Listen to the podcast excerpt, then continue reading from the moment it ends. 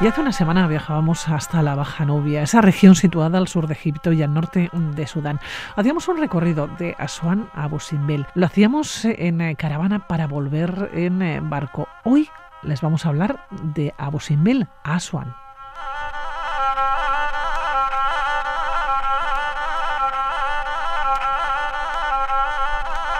Y Xavier Bañuelos, eh, que estamos ya montados en el barco, en la caravana, donde nos quieras montar. ¿Cómo estás, Xavier?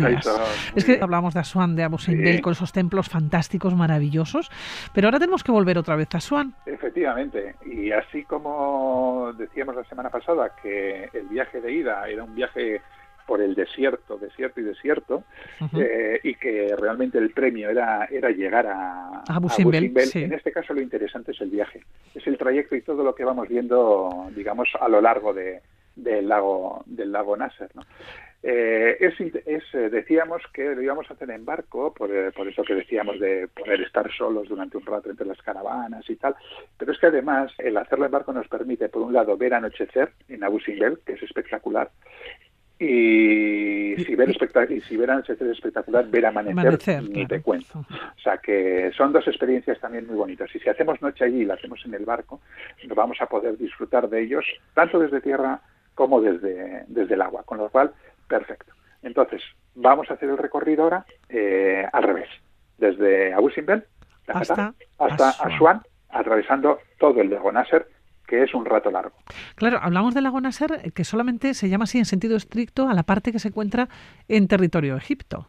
O egipcio. Sí, sí, en realidad eh, sí es verdad, porque hombre, Nasser fue el impulsor del, del lago, del lago, efectivamente, y bueno, del lago, del embalse y del pantano, eh, pero claro, era un mandatario, un mandatario Egipto. Entonces parte, la parte más eh, meridional, la parte sur del lago, pertenece a Sudán y tiene otro nombre, ¿no? Otro nombre. Sí, pero bueno, en cualquier caso es una misma unidad. No estamos hablando de un embalse de 500 kilómetros de largo, ¿eh? que en su parte más ancha alcanza los 35 kilómetros, que se, te sitúas en el centro y prácticamente es como si estuvieras en el mar, casi no, no ves las orillas. ¿No? Tiene 5.000 kilómetros cuadrados de superficie, estamos hablando del doble de Vizcaya, y bueno, tiene algo así como 160 kilómetros cúbicos de agua, que debe ser una barbaridad, la verdad es que no tengo ni idea, ¿no? Pero debe ser algo así como un billón de metros cúbicos multiplicado por 157, que eche cálculos quien, quien quiera, ¿no? En realidad es casi como un mar interior, es tan grande como un mar interior artificial, eso sí, pero un mar interior en mitad, mitad del, del desierto nubio. Hablamos del lago, que es el resultado de la construcción de la presa de Asuán entre 1958 y 1970. Eh, eh, ¿Cómo se hace esta presa y por qué? Pues mira, en realidad era, era un proyecto antiguo eh, y lo que querían era controlar las crecidas del Nilo. Desde mi punto de vista y desde el punto de vista ambiental, social y político se ha demostrado que era una, una, casi un auténtico, un auténtico error. Pero bueno, eh, digamos que hay dos, en realidad hay dos presas. Está por un lado la presa baja, que la construyeron los ingleses entre 1899 y 1902, cuando Egipto era un protectorado inglés, y luego está la presa alta, ¿no? ¿Qué, es, lo que, qué es lo que ocurre? Que eh, en 1946 se sufrió un riesgo de desbordamiento de esta presa baja que habían hecho los ingleses, y entonces se piensa en la construcción de una segunda presa eh, río arriba. ¿Eh? Esta decisión se toma al final en 1952, tras, la revolución de los oficiales libres, ¿eh? que son los que proclaman la República de Egipto. Egipto anteriormente, entre digamos la independencia y esta fecha, había sido un, un, reino. ¿no?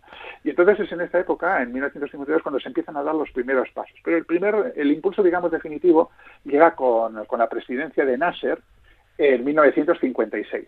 ¿eh? Es un proyecto que inicialmente cuenta con el apoyo de USA y de Gran Bretaña, pero eh, que se retiran eh, cuando Nasser, digamos, se niega a caer bajo la órbita de ambas potencias. ¿no? Y entonces en 1958 lo que hace Nasser es pedir el respaldo de la Unión Soviética, nacionalizar la presa y comienza entonces su construcción, que, es, que se realiza entre 1960 y 1970. Pero el llenado completo no se produce hasta 1976.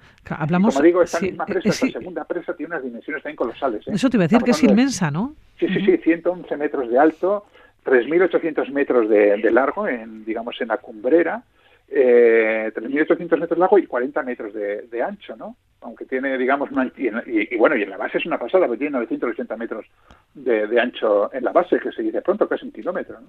Y es capaz de producir eso también yo aquí me pierdo, 10.000 gigavatios al año, que también debe ser una auténtica barbaridad. Bueno, en total es la octava, es la octava más grande del mundo en superficie, en superficie y la cuarta más grande del mundo en volumen. O sea que estamos hablando de un señor de un, señor, pantano. Pantano de un señor proyecto. Claro, esto tuvo sus consecuencias también, hubo un pues desplazamiento de población. Sí, es lo que decíamos antes, ¿no? Que fue, desde mi punto de vista, mm, ahí fue un, error muy grande, ¿no? Primero, a ver, hubo que desplazar a más de 100.000 personas que ocupaban todo lo que era el valle de la, de la Baja Nubia. O sea, allí vivía gente. ¿eh? Y aparte que era una zona, era una zona pues feraz porque estaba regada por, por el, por, el, río, ¿no?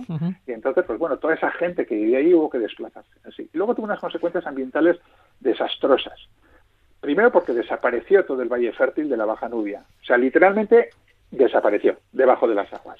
Punto. O sea, todo ahí donde se cultivaba ya no se puede seguir cultivando. destruyó los procesos naturales de las crecidas del Nío. ¿eh?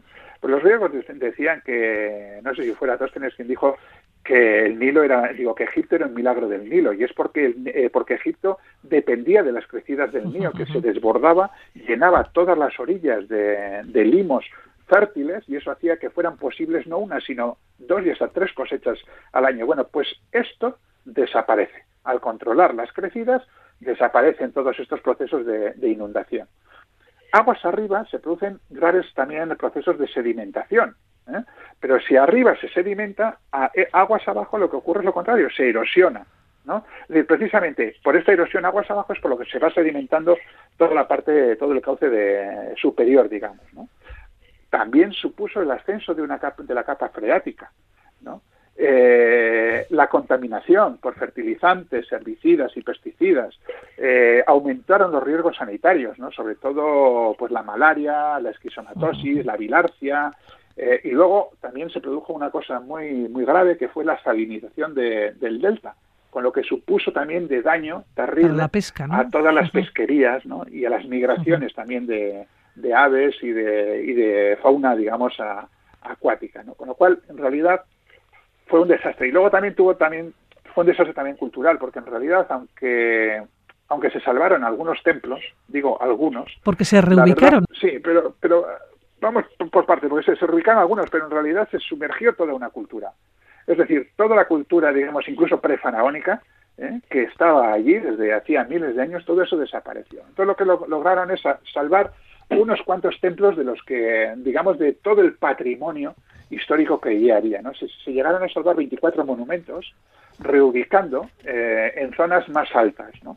Es decir, en realidad, eh, a ver, Egipto no tenía dinero suficiente para salvar todo lo que allí había, porque claro, evidentemente los egipcios habían construido sus templos eh, a las orillas del río, ¿no? En, las, en las partes altas, ¿no? Entonces, al, al, crearse el pantano, todo aquello iba a quedar anegado y todo iba a quedar bajo, bajo las aguas. Entonces, Egipto no tiene dinero para, para afrontar todo esto y llama a la UNESCO y la UNESCO llama a una participación internacional en 1960 en la cual participan un montón de, de países, ¿no? Intentando, sí, eso es para... Entonces, 24 de estos monumentos se logran salvar, se reubican, como le pasó a, a Busimbel, que hablamos la semana pasada, y otros también se donan. ¿eh? Por ejemplo, el templo de Debov, que, que, está en Madrid, en el Parque del Oeste de Madrid, fue un regalo que hizo el gobierno egipcio al gobierno español por la ayuda prestada para, bueno, para el salvamento de, digamos, de este legado eh, del antiguo del antiguo Egipto muy cerquita del Palacio Real para que se vaya situando es donde nos encontramos, ¿no?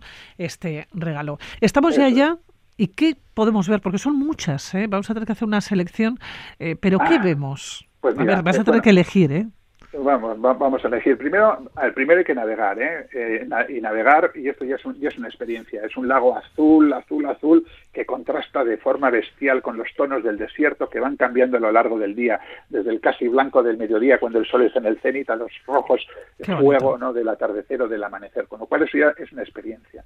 Son el atardecer y el amanecer sobre el lago, con, con el desierto a ambos lados, es una auténtica pasada. Y luego, efectivamente, pues vamos viendo eh, lo que dura la navegación, que suele durar tres, cuatro días, distintos restos arqueológicos del Egipto nubio, ¿no?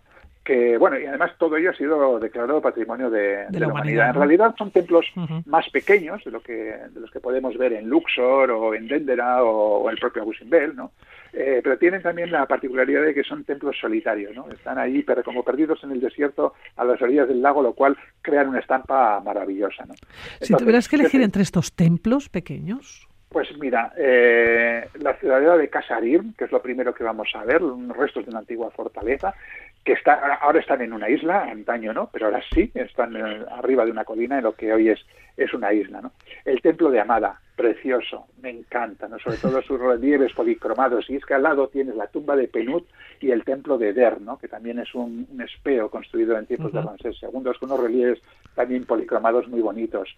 Yo no, no puedo dejar de elegir, sin duda, Wadi al-Sebua, el Valle de los Leones, construido por Amenhotep III y restaurado posteriormente por Ramsés II, un templo dedicado a Amor, a Amón, que en parte es exento y en parte es excavado, lo cual le da también un toquecito muy, muy interesante. Sobre todo, pero sobre todo me encanta la avenida, ¿no? El pasillo flanqueado de, de por ahí viene lo del también, supongo, el Valle de los Leones, ¿no? Tiene tres patios, la hipóstila, que fue en su día también iglesia copta, dos capillas, un santuario, vamos, una auténtica preciosidad, ¿no?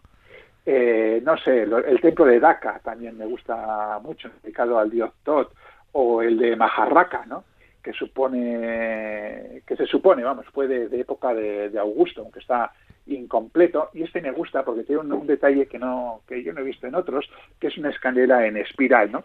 Que bueno, no es que sea gran cosa, pero la verdad es que le da un toquecito, eh, no sé, distinto, ¿no? A otros a otros templos. El templo de Calapsa, por ejemplo, me parece, me parece que es eh, súper interesante, ¿no? Y hay que verlo, ¿no? El de Calapsa y el kiosco de Kertasi, que están, están al lado, el uno y el otro, ¿no? También en época de, Augusto y de, y de Ptolomeo, ¿no? Interesantísimos. Eh, otro que me gusta mucho es el templo de, de Beit el Wali, ¿eh? o la casa del gobernador, de época también de, de Ramsés II. Y luego, hombre, luego la isla de Filé, ¿eh? la isla de Filé ya llegando a, a, la, ciudad de, sí. de, Asuán. Bueno, en realidad la isla de, de Filé fue inundada. ¿eh? Entonces, los templos que había en esta isla fueron reubicados en un islote que se llama el islote de, de Aguilquia, que está, está declarado solamente, solamente ellos de patrimonio de la humanidad, porque es un conjunto de templos de, de, la era tolemaica y romana dedicados a Isis, que es una auténtica pasada. Estamos hablando de que en muy poquito espacio se concentra una quincena de edificaciones distintas. Templos, como, no sé, el de Arensunotis, por ejemplo, de Inhotep, eh, los dos templos de Ator y los dos de Isis, el pilono con obeliscos de Ptolomeo VIII, el kiosco de Trajano, el vestíbulo de Nectabeo. Vamos a estar metidos de lleno, ¿no? En, la historia o en una película. Totalmente, totalmente, totalmente. Y ya te digo, esta isla, esta isla de Filé, ¿eh? que se sigue conociendo así, aunque como decimos es otro otro islote diferente, la verdad es que no se, uno no se debe de, perder, ¿no? Las columnatas de la época de Augusto y de Tiberio, la, la, capilla de Mandulis, es que, es que tiene un montón de, cosas para para ver, ¿no? Oye, cuando llegamos, sí, ¿eh? eso te iba a decir, Asuán y la misma presa, ¿se puede visitar?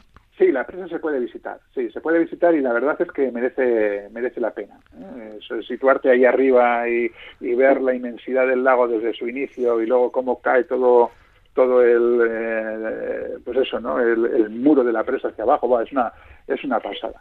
Pero luego aparte de la presa, la propia ciudad tiene un par de cosas que a mí me parece que son interesantísimas. Mira, una cosa que yo no dejaría de ver, por ejemplo, son las eh, lo diré, las canteras, las canteras, de donde, de donde se sacaban las piedras para construir eh, los templos y, bueno, y no solo los templos, porque una de las cosas más interesantes que hay es eh, un obelisco que está inacabado, está tumbado sobre, sobre el lecho y está tumbado simplemente porque no se terminó. Entonces no se terminó de sacar, ¿no? Y, pero, pero tú ves cómo los, eh, o te puedes imaginar cómo los egipcios labraban directamente esos pedazos eh, obeliscos de, de, la roca, ¿no? Y después los levantaban y los sacaban para trasladarlos. Estamos hablando de, una, de un obelisco de granito rosa de 42 metros de largo por 4 metros de, de ancho en la base, ¿no? Y está allí, ¿no? Está allí en, y, lo, y lo podemos ver, lo cual es... Eh, es absolutamente increíble. Estaba pensando que cuando podamos viajar no nos va a quedar otro remedio más que ir a Asuán y hacer este este viaje ¿no? que nos has eh, propuesto, que nos has propuesto en dos días, de Asuán a Abu Simbel o de Abu Simbel a Asuán, ¿no? Sí, y, efectivamente, y, ir a la isla de Elefantina, que está allí mismo, donde está uno de los milómetros. Es curioso esto de los milómetros, ¿no? Eh, ellos tenían tenían eh, unas construcciones circulares que parecían pozos con una pequeña escalerita que iba donde se iba midiendo el, eh, la altura que iba cogiendo el Nilo, ¿no? por eso por ahí lo de, de, lo de milómetro, ¿no? no sé, o luego, qué sé yo, el mausoleo de Aga ¿no? Mohamed Shah Khan III, ¿no? necesitamos muchos días, ¿eh, Xavier?